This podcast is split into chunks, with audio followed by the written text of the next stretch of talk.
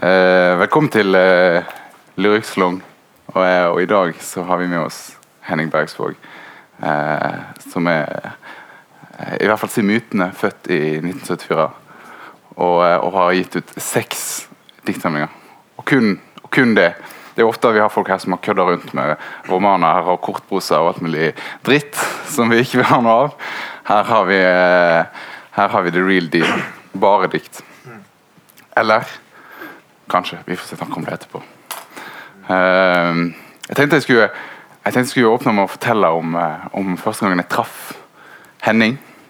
Jeg kom, jeg kom til en by her i 2010 som ung, ung forfatterspire og har en del sånne øyeblikk som har liksom vært helt sånn avgjørende for at en, for at en gidder å fortsette å skrive og holde ut. Og veldig mange av de øyeblikkene så er eh, Henning med. Fordi at Henning, i tillegg til å være eh, poet, så er han òg en, eh, en drivkraft i forfattermiljøet her i Bergen. Men jeg klarer rett og slett ikke å huske første gangen jeg traff deg. Det er som, som om du alltid har vært til stede i mitt, mitt liv her, her i Bergen. Så, og, og, alltid bare vært en sånn en omfavnelse. Alltid jeg, jeg, jeg, jeg, har- tenkt og jeg har tenkt og tenkt, og tenkt, men jeg husker det ikke. Men det jeg husker, er at fra første stund jeg traff deg, så har du gitt lesetips og gitt muligheten til å, eh, til å, til å la meg lese opp det som jeg har skrevet. Og, eh, og, og, og, bare pusha på forfattere og, og lest det som jeg har skrevet og gitt meg tilbakemeldinger. alt mulig.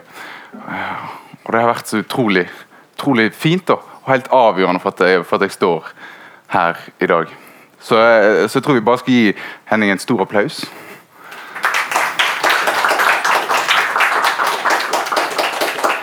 For jeg tror jeg er langt fra den eneste som har et sånt forhold til deg. Eh, og det skal du selvfølgelig få slippe å svare på. Men, eh, men du er ute med ny bok i, i år, og den, eh, den ser sånn her ut. Du er ikke her, heter den.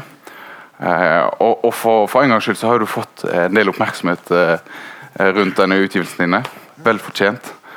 Eh, og før vi snakker noe mer, så må vi bare høre litt eh, fra den boka. Så hvis du har lyst til å lese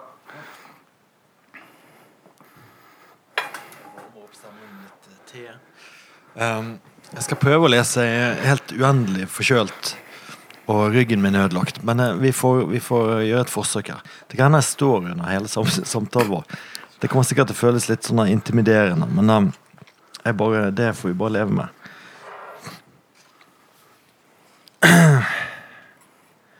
Det fins en absurd historie om en kinesisk kunstner som får en bestilling fra keiseren om å male et landskapsmaleri til et rom i palasset.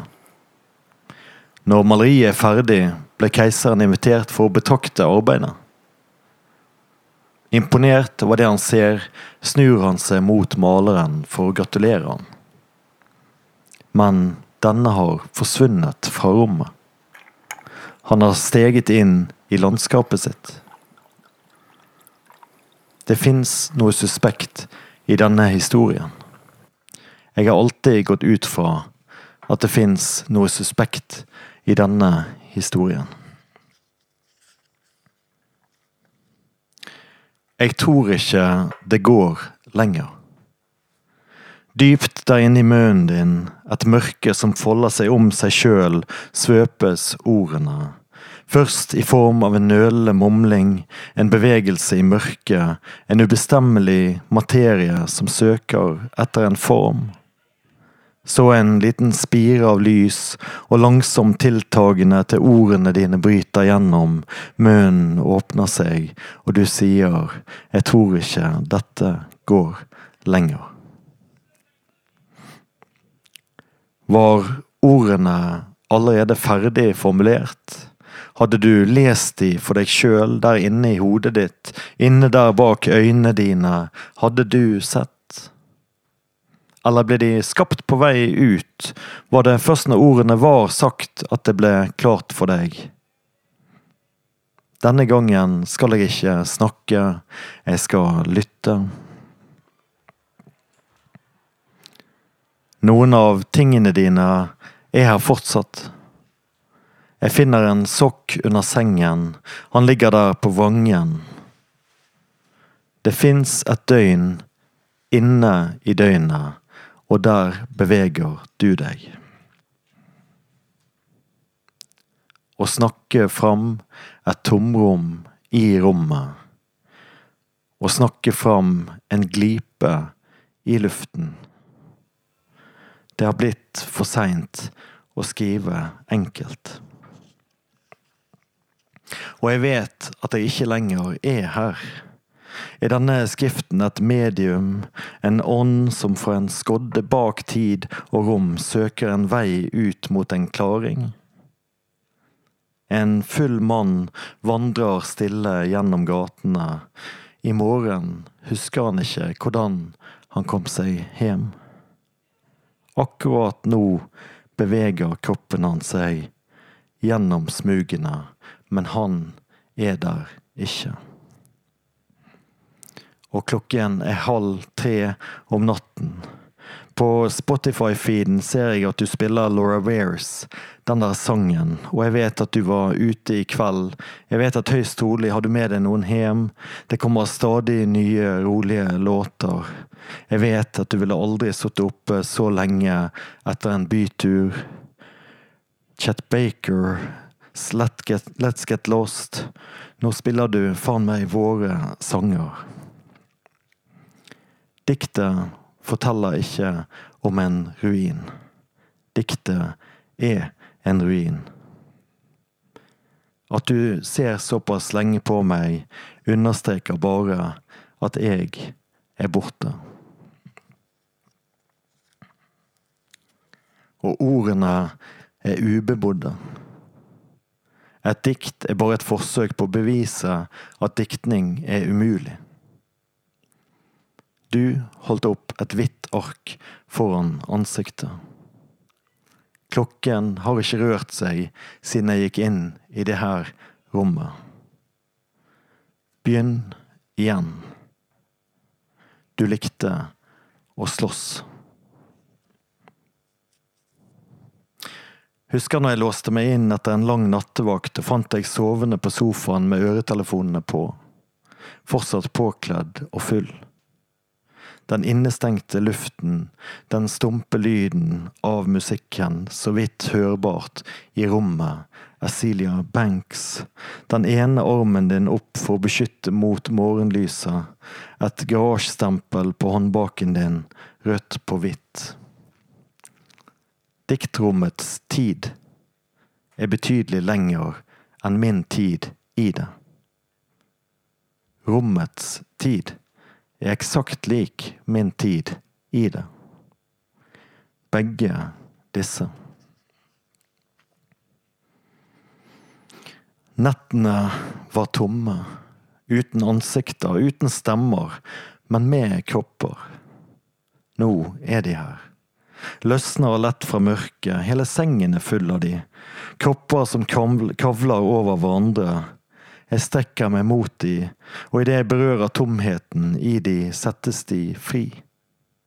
Helt til jeg, litt etter halvt i ørske, hører lyder fra stuen.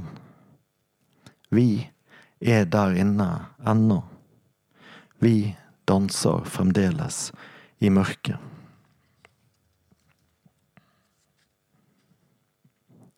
Min indre stemme har òg en lyd.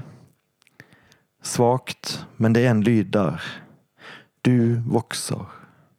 Jeg hører den. Munnen er lukket, ørene hører han ikke, men stemmen er der like fullt. Det umulige i det. En perle som skal rulle tilbake i muslingskallet. Inne i diktet fins det lykter som sender ut dagslys. Du har iscenesatt det fullstendig. Du er der sjøl òg.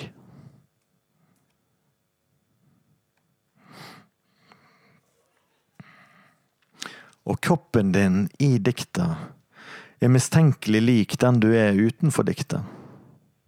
Han virker helt identisk. Den er identisk. Inntil hver linje i håndflatene, hvert lille hårfjon på underarmen, hver enkelt øyevipp er der. Likevel kjenner jeg deg bare delvis igjen. Det er ikke deg. Du er ikke her.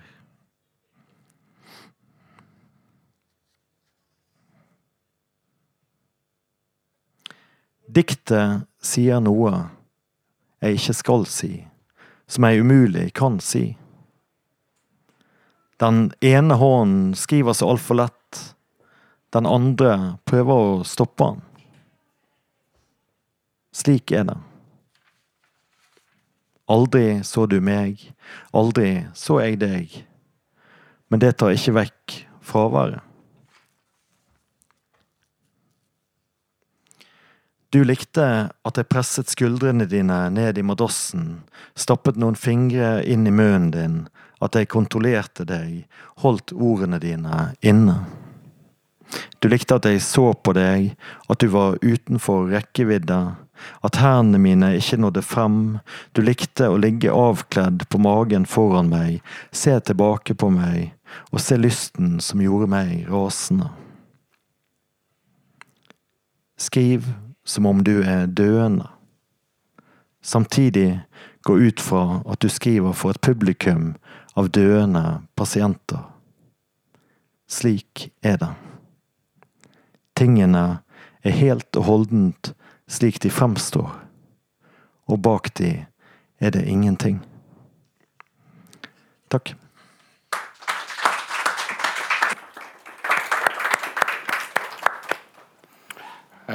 Tusen takk.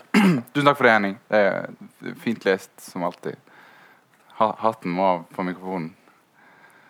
Um, mange av, eller Tre av diktsamlingene, halvparten av diktsamlingene, de, de, eh, de er, på, I tittelen så er det et sted. Et sted, og så, er, og, så, og, så, og så, settes det i gang Det er noen karakterer og det er et språk som settes i gang ut fra et sted. Og, og nattarbeid og nemesis er jo tilstander. Der tittelen er en tilstand, som, som, og så settes det i gang ting. Men eh, du er ikke her. Det er en helt annen, en helt annen type tittel. Eh, det er i hvert fall, Jeg bare tenkte sånn umiddelbart at her er det noe annerledes. da. Her er det eh, eh, Istedenfor noen rammer som blir satt opp der noen dikt kan utspille seg, så er det en henvendelse ikke nødvendigvis bare ut mot duet, men ut, ut mot verden på en annen måte enn det du har gjort eh, tidligere. Mm. Ja, eh, det er jo sant, da. Men jeg har vært opptatt av mye tullete ting når det gjelder titler opp igjennom. da. Skulle, alt skulle begynne på N en periode, og så skulle det begynne på O osv. Så videre. så men det jeg tenkte jeg, Det er litt misvisende, det. da. Fordi at uh, alle mine uh, diktsamlinger befinner seg et sted. Et helt konkret sted. Sist var det 'Den engelske hagen', da, der hele boken foregår eh, i en hage. Eh, men hvis man leser litt nøye, så ser man at det er nøyaktig samme bok som jeg har skrevet nå, en gang til. Det er bare stedet som forandrer seg. Det er ikke noe spesiell utvikling fra bok til bok. Det er bare ulike steder som utforskes. Og Det eneste stedet som utforskes i denne boken, er jo en uh, råtten leilighet på Laksevåg. holdt jeg på å si. Mens det før har vært Newfoundland eller Den engelske hagen eller, eller forskjellige sånne eh, andre steder. Da. Så det er veldig eh, Hva det heter da? Site specific eh, art. Da. Eller jeg, jeg, etter, jeg utforsker ett sted. Enten, og Nord-England har jo også vært veldig mye inne. Men, uh, men, her var det rett og slett fant jeg ut at hvis jeg For jeg har brukt veldig mye med ekst, ekst, ekst, eksteriører da, før. Så tenkte jeg hva som skjer hvis jeg bare befinner meg inn i denne leiligheten. Og så prøvde jeg å finne Og så prøvde jeg å oppsøke en del av de eh, føl, En del følelser som Jeg prøvde helt, å, å, finne helt spesifikke følelser fra, fra livet mitt. Eh, som er litt eldre minner. Da. Men jeg prøvde også å gå helt inn i den tilstanden. Og så Men er det sånn at du da setter de følelsene inn i det rommet og ser hva som skjer med de, eller er det, er det utgangspunktet rommet, og så hva følelser som, som fins i et rom. Det, de følelsene de blir ikke vi kvitt uansett. da. Eller de kommer der enten vi vil det eller ikke, tenker jeg. da. Eh, som forfattere så, så er det det rommet Så er det vår historikk eller de, de emosjonene og den psykologien vi er mer, altså mer eller mindre skadet fra barndom. Det vil jo oppstå igjen og igjen og igjen fra bok til bok. Eh, og så er det Men rammene kan være forskjellige. Og, og, og man greier ikke å løse disse, disse psykologiske knu, knu, knutene. Eh, det, det forløser ingenting å skrive disse, om disse tingene. Men eh, Det er jo noe som ofte blir sagt, òg, At en, hvis en skriver, så ah, Fikk det ut. Nå fikk jeg det ut. Men er det ikke Nei, sånn? det Er hjelper ingenting. Eh, Det hjelper selvfølgelig ingenting. Da, da må du gå i terapi. Det, det er veldig lurt. Det må alle gjøre. Men, eh, men eh, det- man, det, det hjelper ikke. Men uh, disse grunntilstandene som er i oss, det, de bare kommer jo igjen og igjen og igjen. Sånn som når jeg skrev min første bok, 'Newfoundland', her sant? for kjempelenge siden. Så eh, skriver jeg der om en far som dør og sånne ting. og sånn og sånn. Eh, men, men, og det var rett etter at min egen far døde. Uh, eller iallfall fem år tidligere. Da. Men, men det noe Det var jo det mest pyton jeg kunne tenke meg å skrive om. Eller, men, men når man sitter ned og skriver, så bare kommer jo det Det, det kommer jo det som kommer. Så kan man prøve å velge vekk ting. Men, men det kommer tilbake Eller det, det forfølger en. Hva mener du med at det var det som var mest pyton? Er det fordi det eh, er, er, altså, er det fordi det er så mange som har, som har skrevet om et sånt tap, eller er det Å skrive, å skrive en barndomsskildring om en far som dør, det er ganske pyton. Like pyton som å skrive om en, eh, om en hvit 40-åring eh, i Vesten som blir forlatt av sin yngre kjæreste. Sånn cirka så pyton er det. Det er, ikke, det er liksom ikke verdens beste tematikk. da. Det er en helt håpløs tematikk. Du kan ikke løse den på en god måte. da. Så, eh, så jeg tenker det at eh, jeg, men, men det stopper ikke jeg meg sjøl fra, på en måte. da. Men, du velger, ja, men ikke bare stopper du det ikke, du velger jo aktivt å Ja, ja. gå inn i den. Eh, men er det fordi det er motstand der, eller er det fordi at den bare eh, driver den i, i deg, eller? Det er, en, det er bensin, eller det er Vi må ha Jeg mener når man skriver, så må man prøve å gå mot risiko så mye man kan. Da. Man må gå mot der det blir farlig. Det er der det føles farlig når du sitter der. Så merker du med en gang hvis det noe blir ube- ubehagelig å skrive om. Eh, og da må man fortsette den veien. Altså Da vet man at man er på riktig vei. Hvis det med en gang det blir ubehagelig, da vet du at du gjør det riktige. tenker jeg. Eh, og i dette tilfellet så var det merket, jeg det med en gang da jeg begynte å skrive de, om de tingene der, eh, som handlet om det kjærlighetsforholdet. Så, eh, så kjente jeg at det var Sånn må det bli. Og så har jo jeg sagt, og mener jo fortsatt, det at det jeg holder på med, er jo bare en språkforskning. Og det er en ganske tørr aktivitet jeg egentlig holder på med. Eh, nå høres det ut som jeg er verste, verste sånne utleverende typen. Men, eh, men det er jo ingenting her som er sant, eh, eksempel. Eh, og, og Det, men eh, du, du, eh, du sa jo nettopp i sted eh, at at på et eller annet punkt så er det utgangspunkt i egne eh, opple opplevelser. Altså, altså jeg, jeg skal ikke Ja, okay. si at det, er- det, det, at det er noe biografisk, eller noe, det er helt enig. Det fins ikke noe biografier. Men det må vel finnes det ryggen det, det stolen. Men det må vel finnes en, en, en sannhet på planet når du, Jo da, når du sier det som du sa i sted. jo, det er absolutt det er jo det vi leter etter. sant? Men det er jo et språkarbeid. Eller jeg tenker det at Jeg prøver også øh, Jeg jobber veldig mye med begrensninger. Eh, jeg, jeg, jeg, hvis jeg føler at jeg behersker noe, hvis jeg greier å lage gode metaforer, som jeg har gjort før eh, Jeg blir god til å fortelle på en bestemt måte, så prøver jeg å ta det vekk. Til en viss grad. Ja. Jeg prøver å fjerne det elementet. Så, så jeg forstår at det er litt sånn mot, motsetningsfylt. På en måte så skriver jeg den samme boken igjen og igjen, og igjen men samtidig så, så prøver jeg også å ta vekk de tingene som jeg er best til. Eh, fra gang til gang. Men det, det, som du, det som du kaller språkarbeid, altså eh, Kan du si noe mer om det? Hva er det, hva er det egentlig handler om? Altså Er det å, å, sette språk på følelser, eller er det det at hvis en har gravd ut noe og kan noe, så er det ikke noe å grave fram der, eller da man begynne å grave et annet sted etter, etter språkliggjøring? Er det det det handler om? Språk og filosofi det er det som interesserer meg. Eh, og det er nesten bare de lesningene som jeg syns er interessant. Jeg leser jo ingen bøker, ne ne nesten. Jeg leser f.eks. ingen romaner. Jeg er veldig veldig uinteressert i romaner. Jeg, eh, altså romanunivers og fortellinger. Og jeg er fryktelig lite interessert i verden generelt. Eh, jeg er veldig veldig interessert i skrift, og jeg er veldig interessert i det som skjer oppi hodene til folk når de, når de leser. Og de, eh, hvordan, altså de, måten språk skaper visuelle avtrykk i hodene på folk, syns jeg er veldig spennende. Og hvordan de avtrykkene nesten alltid er private. Det, altså de, jeg, kan, jeg, kan, ikke lage et objektivt bilde til dere som sitter her, og få det til å oppstå på akkurat den måten som jeg vil i hodene. Hvis jeg, hvis jeg sier en setning, så vil den oppstå forskjellig i all, i alle som sitter her. Og det syns jeg er helt, eh, helt, eh, Man besvimer nesten når man tenker på det.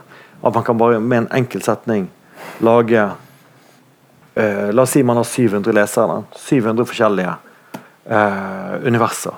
Så man blir sånn der maker of worlds på en måte når man skriver. Og det er jo helt fantastisk.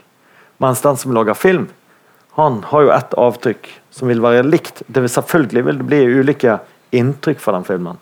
Men det visuelle avtrykket som, som de, man får i hodet, det vil være identisk på alle. Mens jeg, vi jobber med en vitenskap der det, der det, treffer helt forskjellig og blander seg med psykologien.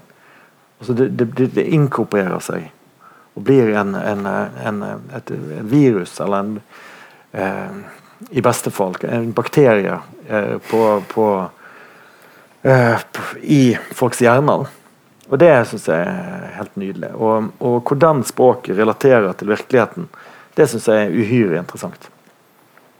Uh, jeg greier ikke å la være å være interessert i det. Så har du forfatter igjen som bare er interessert i språk mot språk. Er språk altså, hvordan er språket på en side? Hvordan er det hvordan er bokstavene, skriftmediet, hvordan skal man plassere dette ut? og sånn. Det er et hakk lenger, som jeg syns er kjempespennende å lese. Men jeg greier ikke la være å være, være, interessert i relasjon. Jeg er ikke interessert i verden, og jeg er ikke interessert i, i skriften per se.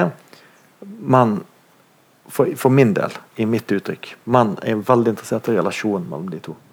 Men det, men det høres jo nesten ut som du er Du er ikke interess så interessert i ditt, nødvendigvis ditt, altså mellom, relasjonen mellom deg og skrivinga, men mellom teksten og, og leseren? Er det det? Mm.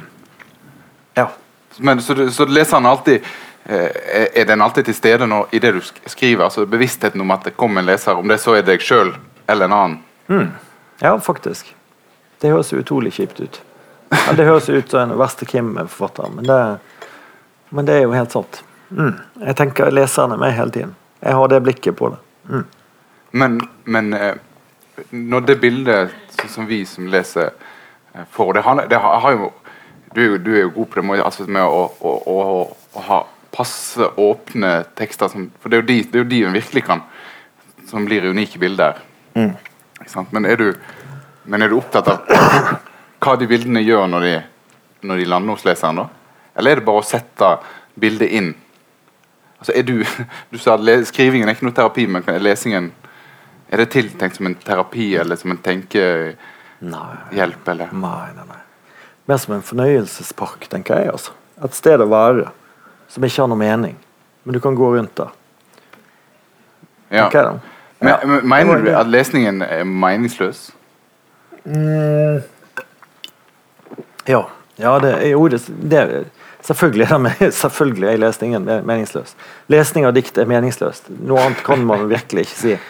Men at det, at det, det kan har, man si. Nei, det kan man, det kan man ikke si. Alvorlig talt. Det er helt meningsløst. Men så kan man spørre seg om, om det er feil å være meningsløst eh, eller ikke. Da. Og det mener jeg overhodet ikke. Å være meningsløs er noe av det viktigste Det meningsløse er noe av det viktigste man kan holde på med. Hvorfor det? Jo, fordi at eh, det, det Ja, det, det, fordi jeg, jeg, tror det gjør oss til Eller fordi at vi blir, vi blir påført så veldig mye eh, krav og logikk ellers. da. Og samfunnet er satt sammen på veldig firkantede måter. Så med en gang eh, man, eh, man leser litt bøker og sånt, så, så, begynner det å bli litt uh, mellomting. Ja, altså, så, ja. man blir mer kompleks, da. Og det tror jeg man skal være glad for.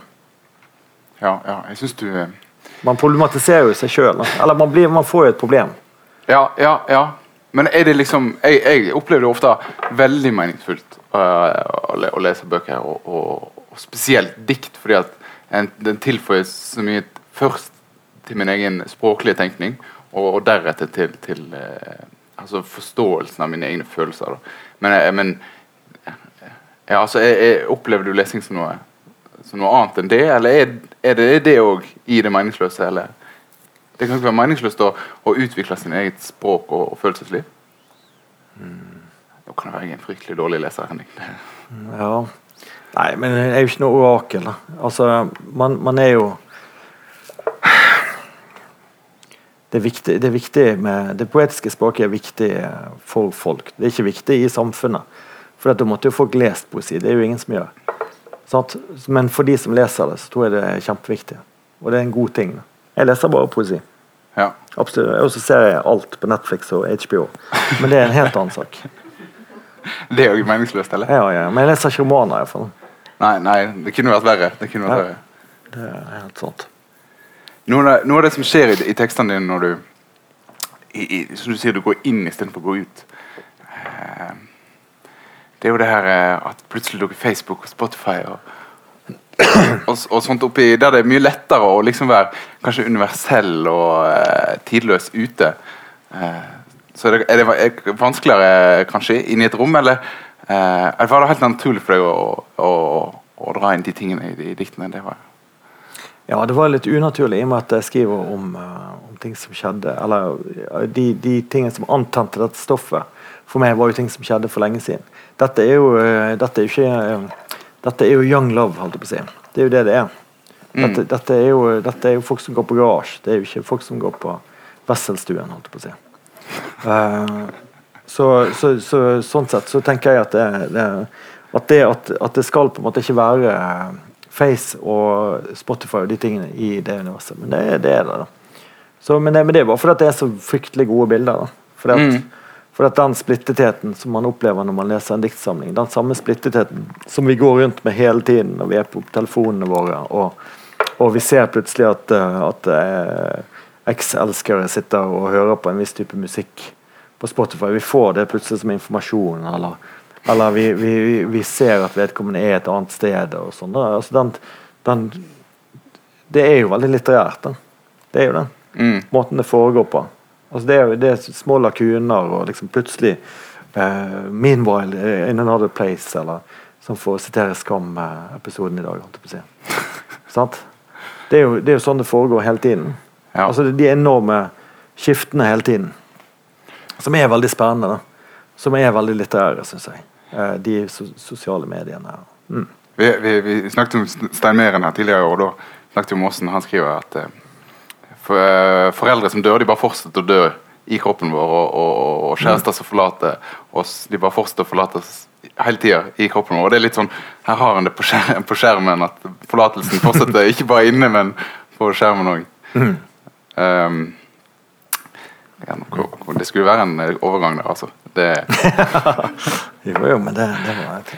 Men det, det er jo òg eh, De er jo utvikla, eh, disse duen og jeg-en. altså har du, ah, Eller er det bare er det jeg som legger i eh, personligheter i det du er og jeg Eller har du, har, du, har du, vært litt sånn prosaisk opp, opptatt av å, av å, ha et du med en personlighet og en jeg med en personlighet, eller?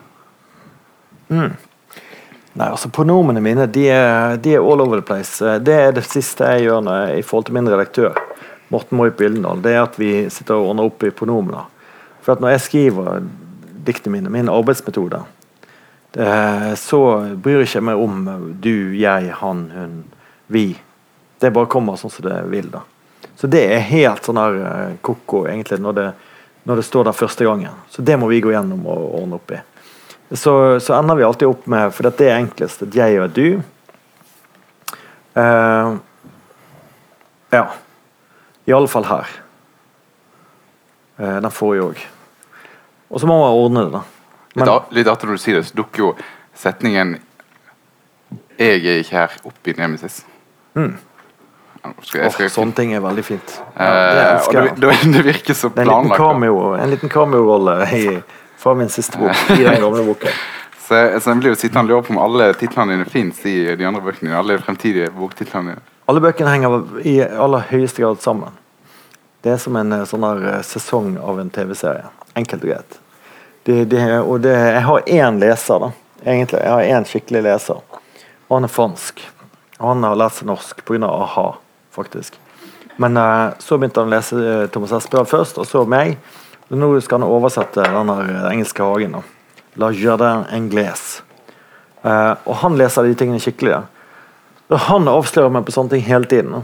Han sier hei, men den, satt- den eh, lille passasjen den var, jo for, den fem bøker siden. liksom. Sånt, men det, men det, det er jo faktisk bevisst. Eller jeg gjør det. Jeg lager de linkene. Og, så han skjønner det. At når jeg skriver 'du er ikke her der', så er det akkurat som en fotnote. Den viser frem til det. Mm. Og når, hvis, jeg, hvis den samme teksten foregår to steder, så skal man se nøye på det. Og hvorfor, hvorfor de tingene står sammen. Og sånne ting. Ja. Så jeg jobber veldig mye med det, men det, det skulle bare mangle. Det tar tre år, år å lage en sånn bitte liten flis av en bok.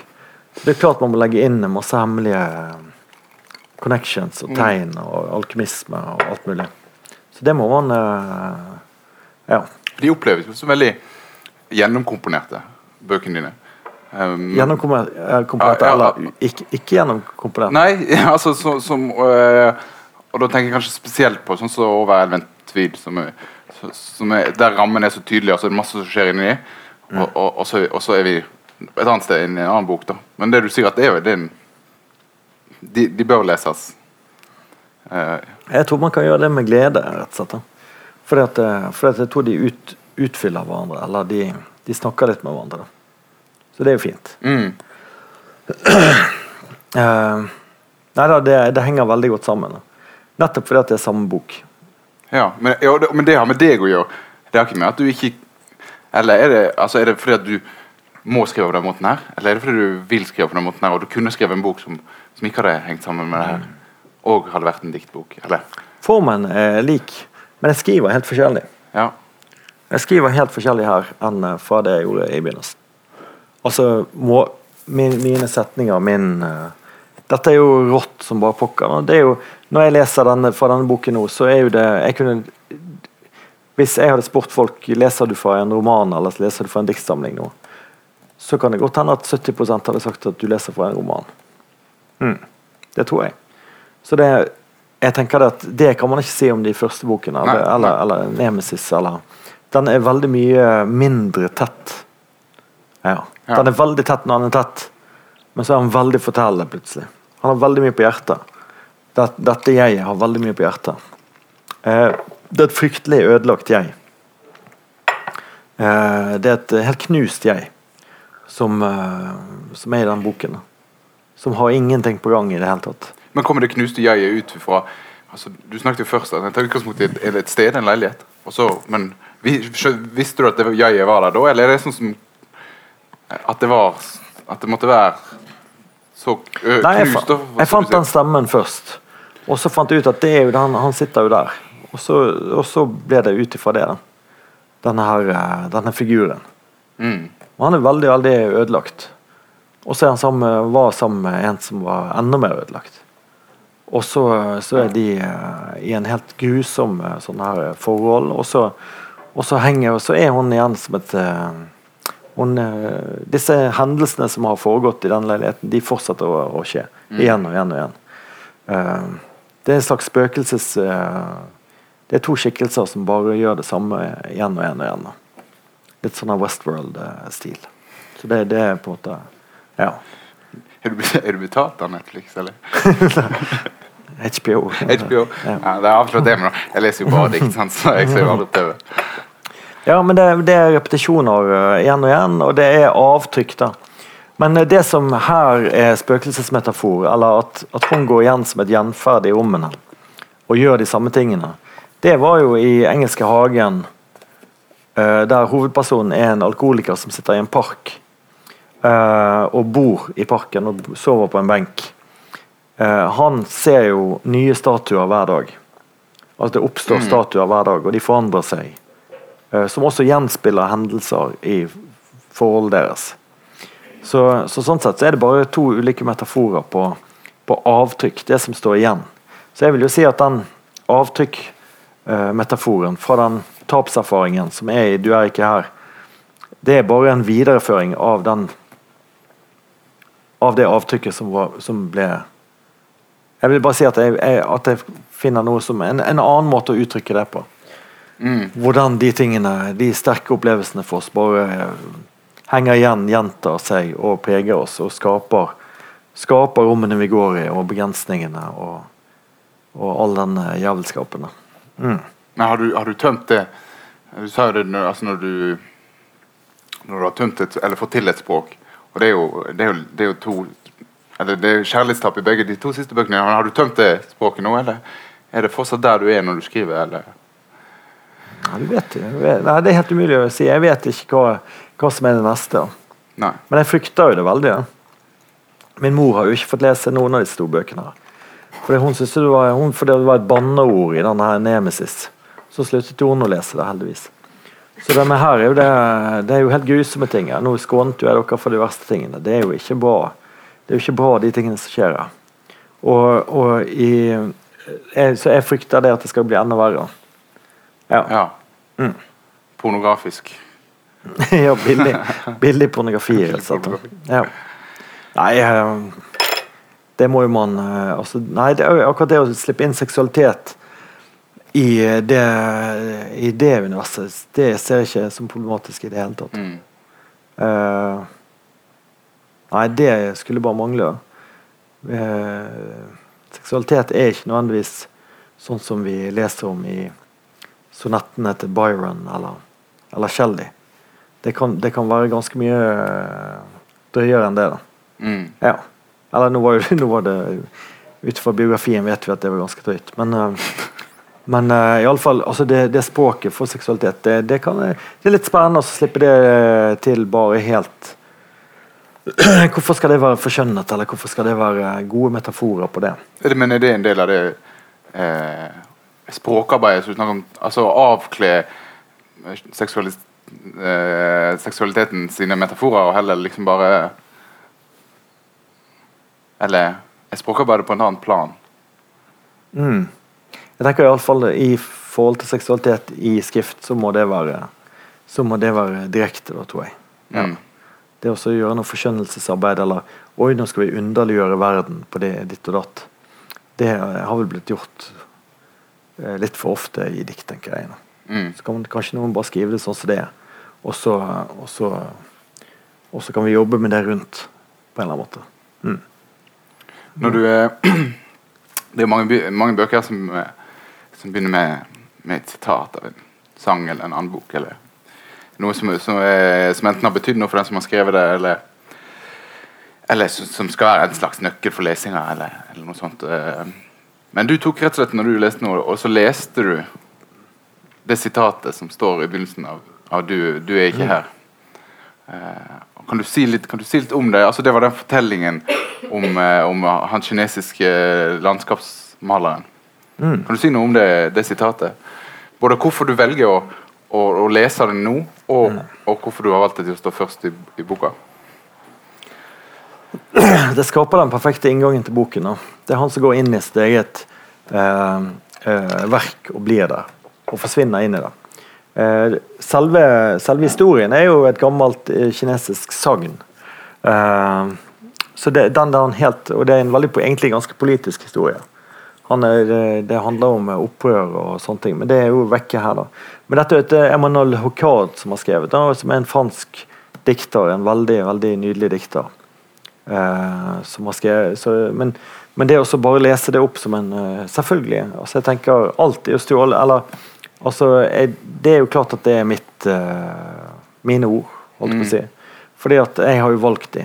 Eh, og sånn er det, tenker jeg, i forhold til all dikt og skriving, så er det jo Det er jo sånn det funker. Det er jo bare 29 eh, bokstaver i, norsk alfabet, og det er jo bare så og så mange måter å sette de sammen på. Så vi har bare så og så mange ord, vi har så, mange, så, så, så mange bokstaver. Og, så jeg tenker vi står ganske fritt til å, og grabbe med oss det vi vil da, inn i det, og så sette det sammen. Og så, skal, så er det vårt. da. Så, jeg, så det har jeg ganske sånn demokratisk fil på. da. Altså eh, at alt Alle eier alt. som er. Jeg, jeg syns det er interessant at du har valgt, eh, har, har valgt det sitatet. For En ser for seg at denne kinesiske landskapsmaleren eh, ent, altså, enten er så fornøyd med verket sitt at han heller forsvinner inn i det han vil være der enn i virkeligheten, eller så misfornøyd med verden at han heller vil være i det han skaper. Men samtidig eh, så er det jo interessant at det er litt sånn det motsatte du sier om din eh, skriving. nå, at det, Du har ikke det forholdet til din skriving, men du setter det likevel opp. Er det, for, er det fordi at, det, at du, det jeg har det forholdet til dikt? For det, det jeg som er i den boka, er jo opptatt av dikt. Eller var det Det var et, begyn- det var et vanskelig spørsmål. Men jeg Det var veldig ofte, men jeg tror at i begynnelsen når jeg begynner å skrive, så, så er jeg i boken og meg den samme personen. Og så mer og mer etter hvert som jeg skriver, så blir jeg i boken sin egen person. Mm.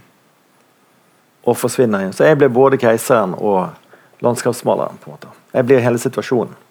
Han forsvinner, han er forsvinner, han forsvinner inn der. Og han blir usynlig.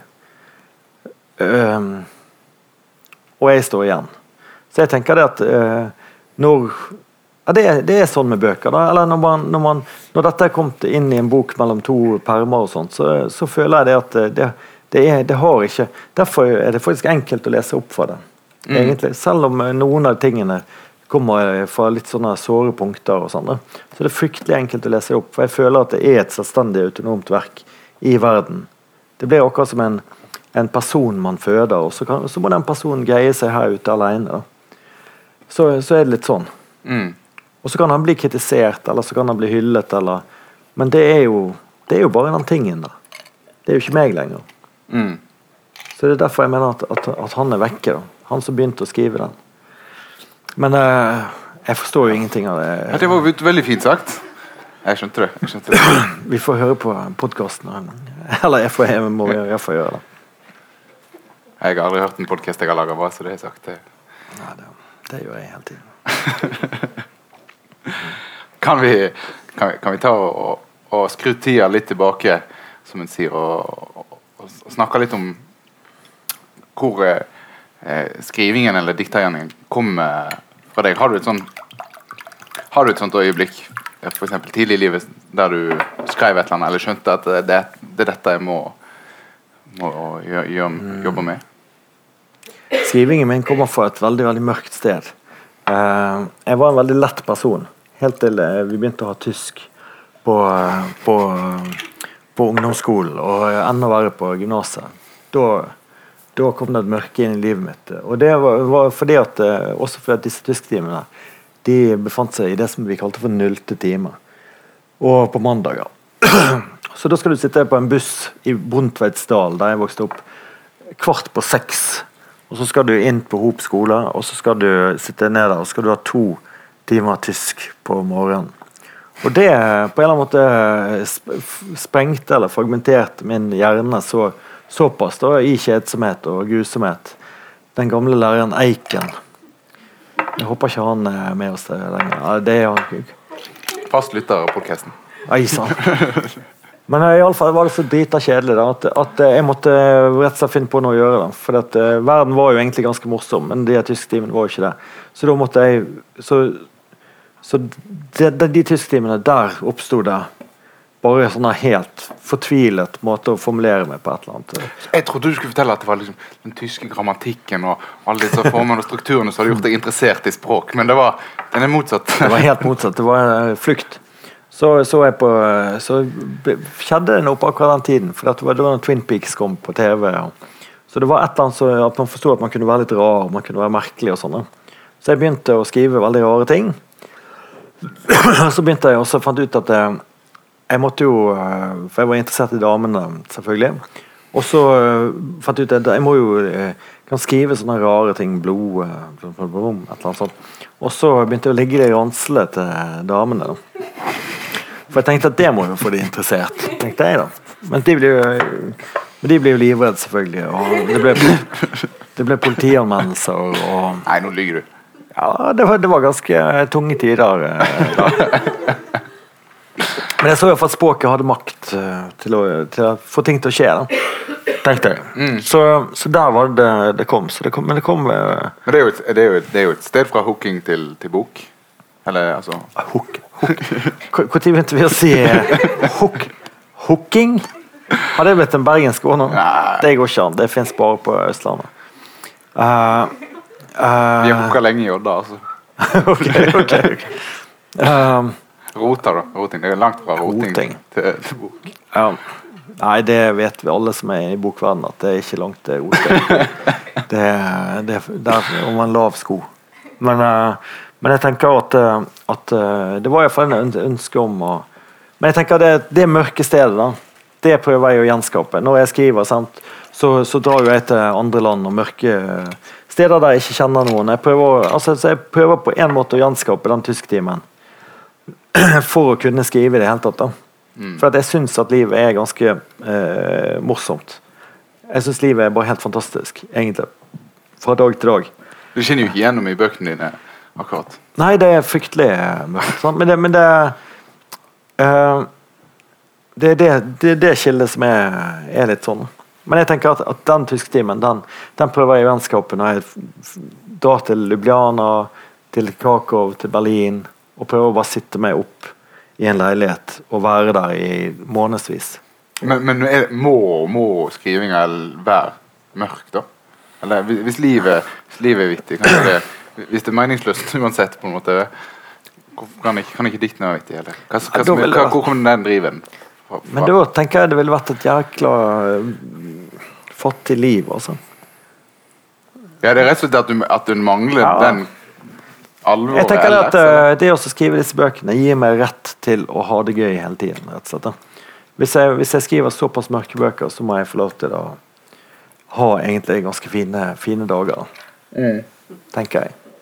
Så må jeg oppsøke disse stedene, og jeg må Så eh, Nei, men jeg, jeg syns det er en grei oppdeling. Men for å få tak i det språket mitt, så kan ikke jeg bare ha en gøy kveld med noen folk, og så våkner jeg opp, og så er det tidlig tippekamp, eh, og så er det, skriver jeg noe i pausen. Det går ikke an. Jeg må til et ganske mørkt sted for å finne språket mitt. Og det er jo egentlig helt idiotisk, men sånn er det for meg. Og hadde jeg blitt tvunget til noe annet, så hadde jeg sikkert greid det. Mm. Men jeg blir ikke tvunget til noe annet. Jeg får stipender. Det er i orden. Så, du, ja. du sier jo det, du, du reiser jo alltid vekk. Og dette er sikkert mange som vet om at Du reiser alltid vekk for å skrive bøkene dine. Eh, men har det, har det alltid vært sånn, eller? Eh, Var det, hvis, hvis vi tar Newfoundland, da. Altså debutboka Ja, di. Må reiste du vekk for å skrive den? Absolutt. Newfoundland ble skrevet i Tavira i Portugal. Eh, vi var en liten gjeng fra Bergen med, som hadde skrivegruppe. Marte Huke, Helgunn Dale. eh, en liten gjeng. Og så Jeg vet ikke hvor, hvor vi hadde fått tak i penger. Studielån, selvfølgelig. Det var den gangen man kunne stjele med seg studielånet sitt. Og så eh, leide vi et lite sted eh, i, i Portugal, og så satt vi der i tre måneder og, og skrev. Og det var egentlig ganske gøy på kveldstid.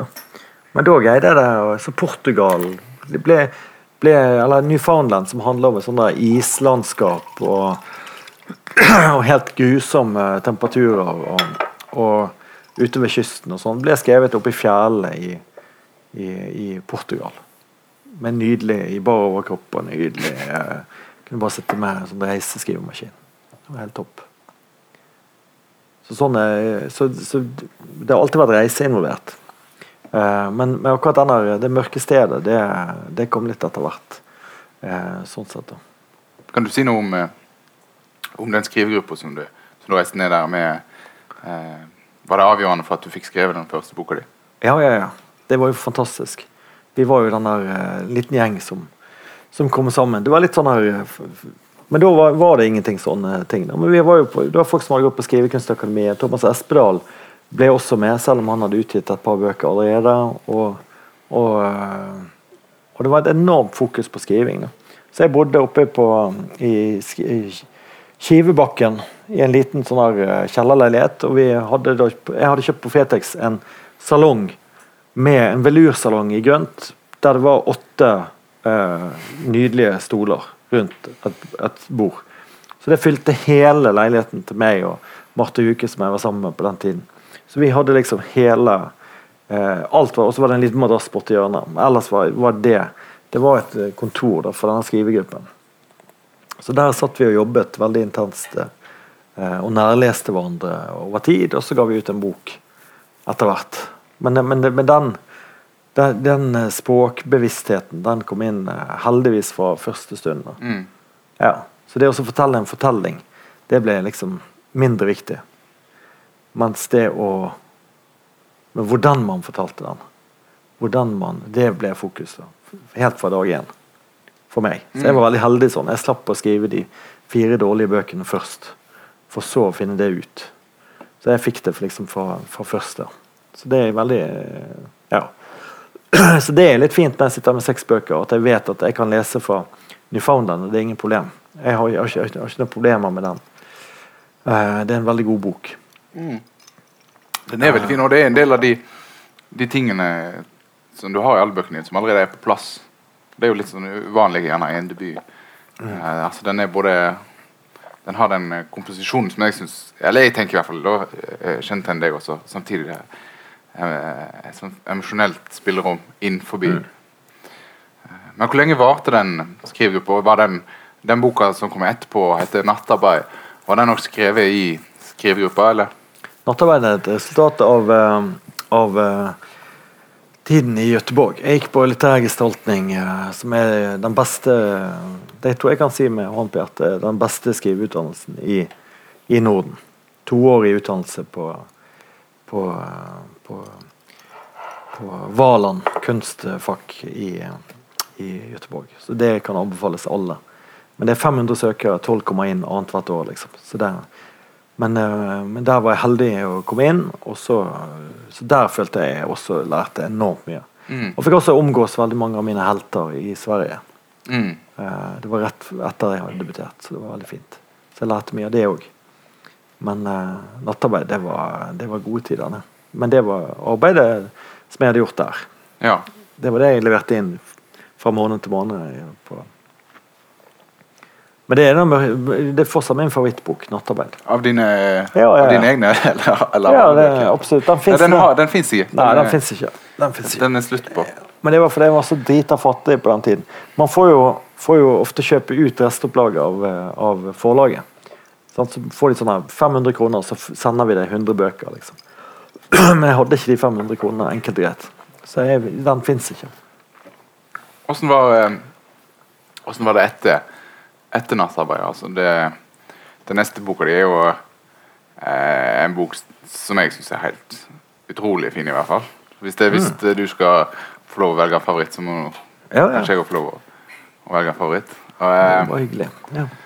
Åssen Nemesis. Det, det, det, høres ut som du Ok, du hadde ei skrivegruppe, og så hadde du litterær gestaltning. Men eh, hadde du noen i, i Nemesis? Gikk du tilbake til skrivegruppa da? Nei, det, var, det, var, over. Mm. Da levde jeg et familieliv med to stebarn i ti år. Så det var når jeg ikke drakk. Så det var, det var, den tiden her. Men det var en mørk tid. Det var jo det helt åpenbart hvis man leser det. Men, uh, men det, jeg ville bare sånn tips til folk som leser disse bøkene. Jeg vil jo si at Nemesis og Du er ikke her hører ekstremt sammen. Si. Det er jo der det vi snakket tidligere at det, tittelen er name-dropper med et annet pronom. Mm. Så det er laget et tegn som gjør at folk skal koble det. Det andre tegnet er jo at begge foregår på Laksevåg, mm. faktisk. Den, den, som jeg ikke bor for øvrig har aldri bodd. Mm. Den, eh, den, er, den, er, eh, annerledes enn de andre, og kanskje det, det er et grep som du tar i Nemesis, at eh, diktene glir. Den, altså de slutter, de slutter De glir over hverandre. Den siste setningen i ett er den første, eller fortsetter den første i neste. Mm. Liksom, den går, den går i hvert fall for meg, det går dritfort å lese. Og det virker også som den er skrevet i et sånn Nei, den er skrevet til å Hvis du Jeg gir ut bok hvert tredje år. Den eneste som har brukt fire år på det er Nemesis. Så det er den som har vært vanskeligst å skrive. Mm. Mm. Men du har helt rett. Den, den, skal gli. Det er det som er meningen når man leser Ja. Men det er skrevet over fire år, og den lille tingen du føler glir så godt man får er gjerne tre år mellom. Mm. Så, så det, det, det, det, komposisjonsarbeidet med disse samlingene er enormt. Eh, sånn, er det, sånn er det bare. Det, det er et eh, Det er et, ett år med skriving, og så er det ett og et halvt år med flytte på ting. Mm. Og stryke, stryke ting. Ja. Sånn var det med den, sånn som med de andre. ja. Ja, ja, absolutt. Men det var litt mer komplisert med den, for det, alt skulle Det skulle gå an hver dikt, Hvert dikt skulle eh, kunne avsluttes med det ordet det avsluttes med, men det skulle også kunne fortsette med begynnelsen på neste. Mm. Så det var en ja, Ja, ja. Enormt eh, Så jeg, Det var egentlig de overgangene jeg slet med et helt Ja. ekstra år. Men de ble veldig fine til slutt. Den er, den er veldig sånn eh, assosiativ og språklig, eh, eh, den, den boka. Og jeg, jeg syns den er Den skiller seg veldig fra den som, som kommer etterpå, eh, som er over, over, over elven Tweed. Eh, som ser, så, ser sånn ut. Eh, som er og er Altså det, De to bøkene liker jeg veldig veldig godt, og, men samtidig som de er eh, forskjell, forskjellige altså I Over elven Tweed så er det ett Det er en samtale, og så er det, så er det et sted det er, og så skjer det eh, Og så springer det ut fra det, mens Nemesis er mer sånn Skjønner du? Ja, ja, det Dette er tydelig, sånn. sant? Men, men Den, eh, og Velven Tweed er veldig messig, messig bok. Den er, det er mange forskjellige språknivåer i den. Og Det var egentlig litt sånn feilspor. Hvis jeg ser på det i ettertid, så tenker jeg at det, det, det var noe jeg prøvde. Og som, eh, som mange har syntes har vært veldig fint. mm. Men som jeg, ikke, som jeg valgte å ikke gå videre på. Mm. men Det det, var ikke en måte, liksom. Kan du si noe? Altså, det er, Tweed er jo en elv som renner på grensa mellom Skottland og England. Mm. Eh, Hvordan endte du opp med det? Altså, Det er lettere å forstå eh, leiligheten i 'Du er ikke her' enn Mm. Enn Elvin Tweed. Altså hvor bildet kommer fra. på en måte Kan du si noe om, om det? Nei, det var, jeg er veldig glad i Nord-England. Det var bare enkelt og greit. Og jeg tenkte et gren grenseområde. Jeg tenkte en grenseelv. Enkelt og greit. En elv som renner som en grense. Det tenkte jeg. Så det var jo naturlig. Og når den i tillegg het Tweed, så syns jeg det var helt nydelig. Da. Så var det greit. Mm. Men eh, den satt jeg og skrev, altså hoveddelen av den er skrevet i Whitby, ja. som er i nordøst-England. og som Det er jo en av veldig god grunn til å dra til England eh, når man er forfatter og skriver. Det er jo at man eh, Eller nei, å, å ha England i bøkene sine, i titler. Det at man kan, eh, kan trekke av på skatten alle turer til England. Man kan si at det er research. Så Derfor legger jeg alltid inn en engelsk referanse. Den engelske Hagen og Velven Tweed. Et eller annet, Så kan jeg da se fotball i England og trekke av. Så, så det var litt av grunnen til at jeg havnet i Nord-England. Men eh, da satt jeg i Whitby, da. Og Whitby, eh, for de som har lest eh, bøker, de gjenkjenner det som Dracula sitt, sitt ankomststed til England når han kommer fra Transylvania i Bram Stokers Dracula. Så det var litt av grunnen til at jeg dro der, for det er min favorittbok. da. Uh, så da satt jeg der. Uh, men hvorfor det, ble, hvorfor det ble det, det var jo denne togturen. Og, men det, det, Der var et sånn typisk eksempel på at jeg, jeg aner ikke hva jeg holder på med. Jeg, jeg sitter og skriver i en tåke, og så sitter jeg med på sånn og gir opp. Fyllesyk og jævlig søndag morgen. Bare tenker, Nå må jeg bare ta en fridag. Sitter med på et uh, sånn damplokomotiv. De har sånn damplokomotiv som går da til, uh, til uh, faktisk forbi Aidensfield, der som apropos fyllesyke, med hjertet på rette, rette staden går, går til. Altså den, det, det er et av stoppene på dette toget. Så da satt jeg der og så gikk jeg inn i den togkupeen og så tenkte jeg, ok, nå er det greit. Hadde med en sixpack. Tenkte nå skal vi bare slappe av her. Nå skal vi sitte og se ut, tenke på boken. Nå skal jeg finne ut av dette. Og så kommer det da inn eh, en gammel mann. Veldig gammel mann. 96, 98, 102. Eh, han er en enormt gammel mann. Og så har han med seg en bitte liten gutt. Og de sitter seg i samme kupé, for det er små kupeer. sant? Um, jeg tenker ok, det var den dagen. Nå gikk dette til helvete. Eh, og så sitter vi, og, sitter vi der, og så, og så skjer det en språklig misforståelse som egentlig interesserer meg den dag i dag, som jeg aldri helt skjønte hva som skjedde der. Men iallfall så skal han gutten peke på noe utenfor vinduet, for, han, for dette toget går. Og så går det krummer toget veldig kraftig, og så ser han frem på lokomotivet så ser han på at her er det noe eh, damp. Så han roper jo selvfølgelig 'steam'. Look! Steam! Steam! Steam! Eh, til bestefaren, som selvfølgelig han hører ikke en døyt. Han bare sitter Ja, ja, ja. Så han sitter andre veien, og han ser noen sauer som går på denne gressengen. Så han eh, tenker sheep. Sheep, ja. Sheep. Yes, lovely, lovely sheep. Veldig, veldig bra. Og gutten skjønner at nei, dette var ikke, det var ikke det jeg mente. Så han eh, gjentar dette her Look at the steam, the steam. Og så blir han bestefaren blir litt sånn brydd, og han skjønner at nå er det et eller annet galt her. Men han liksom ja, Slapp av nå. Ta det med rolig her nå. Vi, the sheep. Fantastic sheep. Og så Men så kommer det lille øyeblikket med den lille gutten, som er spennende. For han, for han eh, sier Han plutselig så skjønner at dette, det her, dette går ikke. Så han begynner å begeistre seg for sauene istedenfor. Så han spiller med bestefar. Ja, ja, ja. Ja, ja, ja. Nydelige sauer. Nydelige sauer. Så der kjenner, jeg, og da sitter de på hver sin side. Det var litt sånne hulelignelser. Så de ser hver sin ting. Og så den ene hører ikke, og så er det et eller annet som skjer der. Så, men jeg synes det mest rystende var at denne her eh, gutten sin evne til å skape begeistring for noe som ikke fins. Enkelt. Han, han, rett og slett, for Hans begeistring var jo for noe annet. Men han, han må da med språket sitt og hele sin kropp lyge til bestefaren. Og I beste mening. Ja, det er omsorg. Det er omsorg. Og så tenkte jeg, så på en eller annen måte tenkte jeg, akkurat da skjønte jeg det er boken. Det, der har du scenen. Så da ble hele boken best, bestefaren og gutten. Mm. Som er på vei gjennom. Så De ble bare hovedpersoner med en gang. Det, så alt det jeg da hadde skrevet i et år, det ble bare kastet inn der og formet om etter at det skal være de dette skal handle om. Så Det ble den boken. Eh, så det var et veldig sånn tydelig eh, sted den begynner. For Det, det, det er et damplokomotiv som går gjennom England. Og det, det, går tilbake i tid, det går opp og ned. Det, det, er mange nivåer. Er, er du eh, avhengig av å ha en slags sånn narrativ for at du føler at boka skal funke? Mm. Mm. En overbygning, enkelt og greit. En narrativ overbygning. Mm.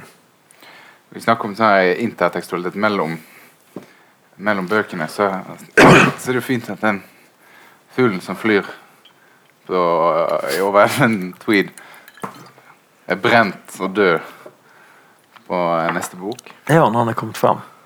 han er kommet frem, det er jo noe å si det på. Nå glemmer du den siste boken, der det er en fjær. En bitte liten fjær igjen her. Og et hull. En luke som noen har åpent.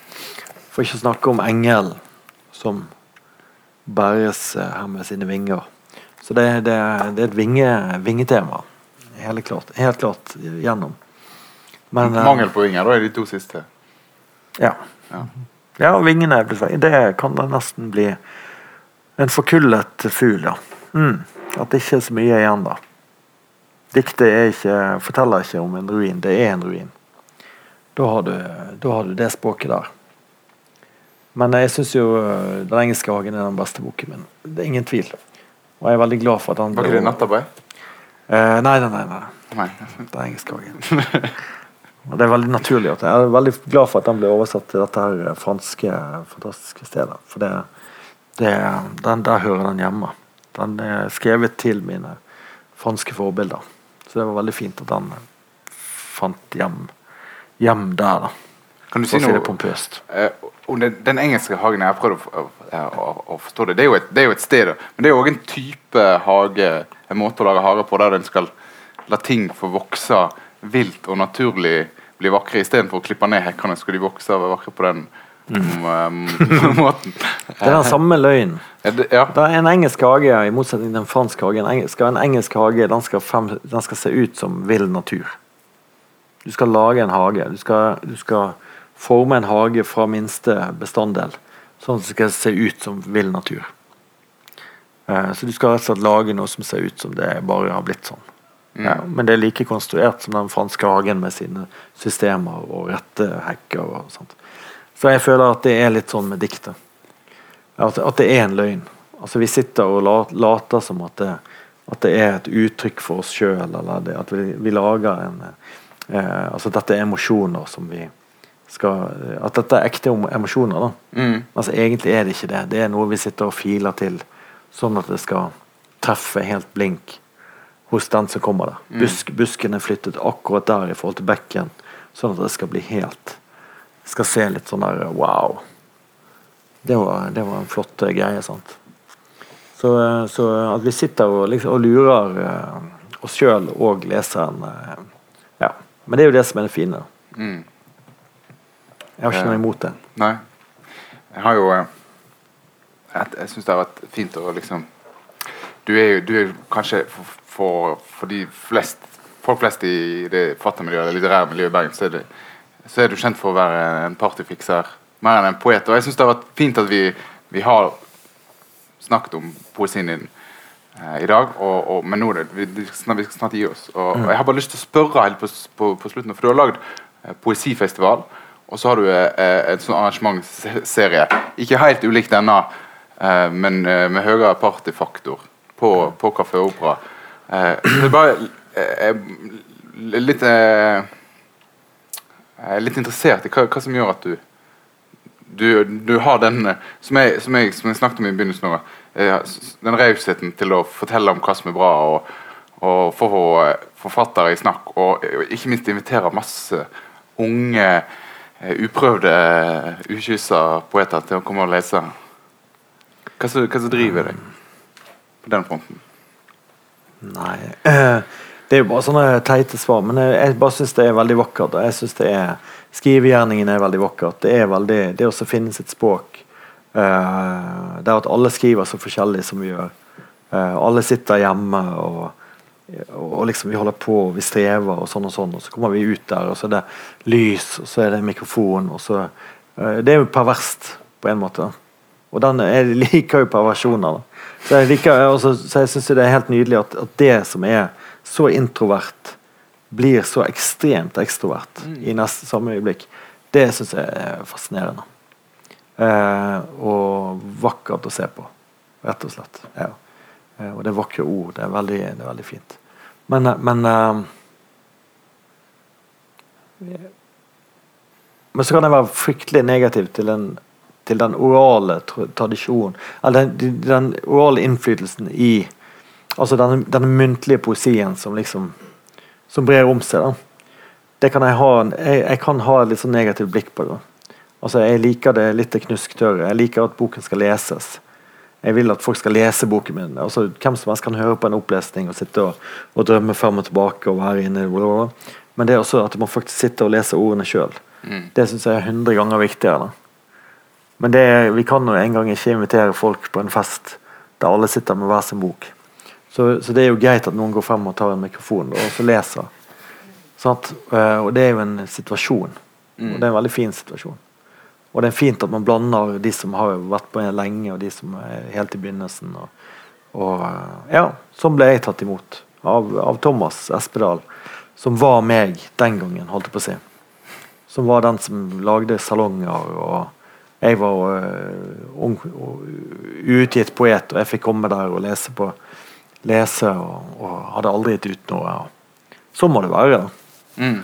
Og det skal vi være veldig stolt og glad for her i Bergen. At vi har mange scener for, for det. da. For det er viktig, det. Det er viktig at noen hører på. Det er jo det. Jeg, er- jeg er i hvert fall eh, personlig veldig takknemlig for de arrangementene. Jeg syns de er veldig veldig fine, og jeg, jeg vet at det, at, at det betyr mye for mange. Eh, men eh, nå, i, i dag så skal du få, få ta, ta mikrofonen Ja. aleine. Jeg ble litt usikker på det der. Altså, jeg kan lese Du har bedt meg om å lese fem minutter til slutt. Så var det snakk om at jeg kanskje skulle lese litt fra Engelske hagen til slutt. Bare på gøy. Eh, men det var egentlig mest for å bare bevise at det var samme boken.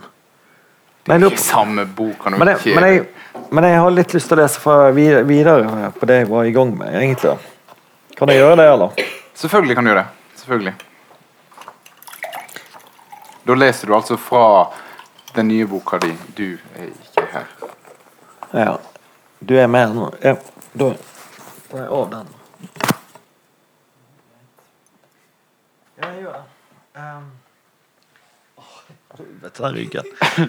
Jeg var på en husbåt i England i helgen. Åh, jeg håper ikke det ble en bok. Det var en tidenes hekseskudd. Sånn, her skal vi se.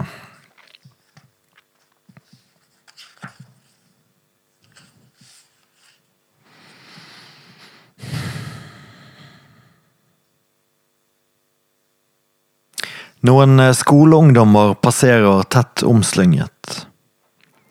Jeg husker nøyaktig hvor vi gikk første gang du kysset meg og kjærligheten var vekke. Det var på veien opp fra gamle Laksevåg mot Damsgård, vi hadde gått søndagstur, du møtte kysset mitt, men det var som om tiden hadde forskjøvet seg. Noen sekunder, og du gikk et par meter foran oss. Jeg kysset luft. Stegene mine kunne aldri bli lange nok, aldri kunne jeg nå deg igjen, men samtidig kjenne kroppen din inntil meg. Arm i arm med et gjenferd. Hele verdener av ord er borte. To speil lener seg så tett mot hverandre at ingenting speiles.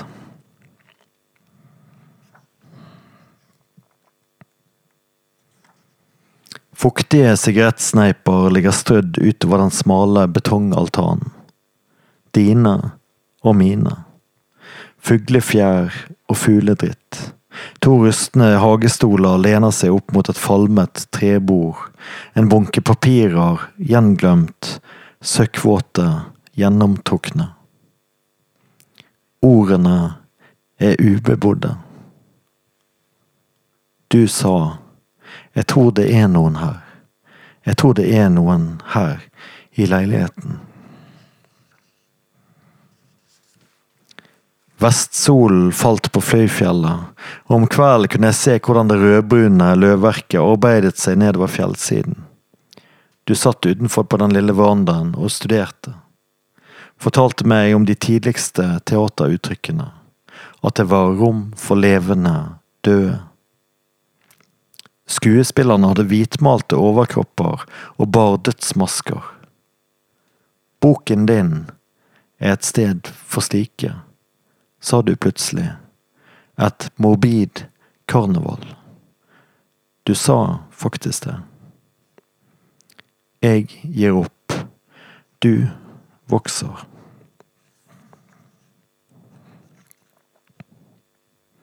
Jeg vrir og svetter meg gjennom en natt som trekker langsomt gjennom meg, som myrvann.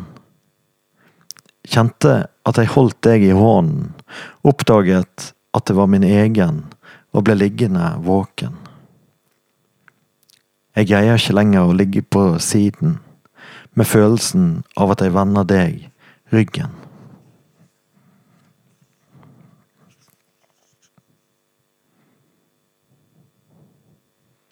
Speil reflekterer heldigvis ikke mørket.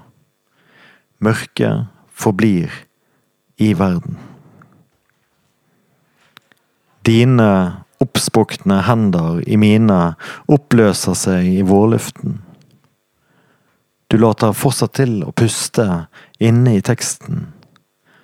Du sier at du tror at det er noen her. At det er noen i leiligheten. Munnen er av større betydning enn ordet. Jeg lever med deg i munnen. Ordene overtar kontroll på sikt. Det er slik. Til hver minste rest av meg er borte. I diktet er jeg bare en skygge. Ingen kropp, ingen armer, bein eller hode. Likevel kan jeg i det her tomrommet kjenne følelsen av et svelg, spytt i en munnhule, et stemmebånd. Kan vi late som vi er to andre i diktet? Kan vi ikke kle oss ut, ta andre navn? Det er blitt for seint å være enkel. En kvinne skreik inne i boken. Et skrik som varte i flere døgn.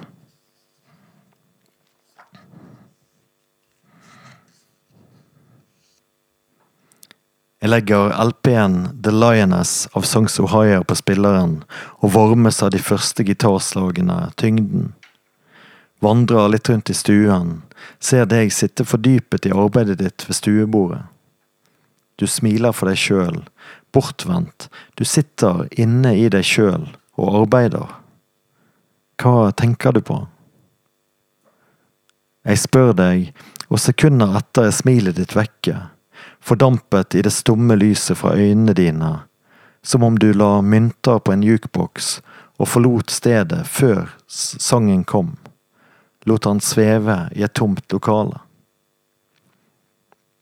At synet skulle kunne finnes atskilt fra kroppen. Et nærvær du føler borte ved gardinene hver kveld. Et syn uten øyne. En stemme uten munn. Merker du det? En tassing i gangen, en rasling i forhenget, et nærvær. Et lys over vasken på kjøkkenet, en during fra kjøleskapet. Det er meg. Takk.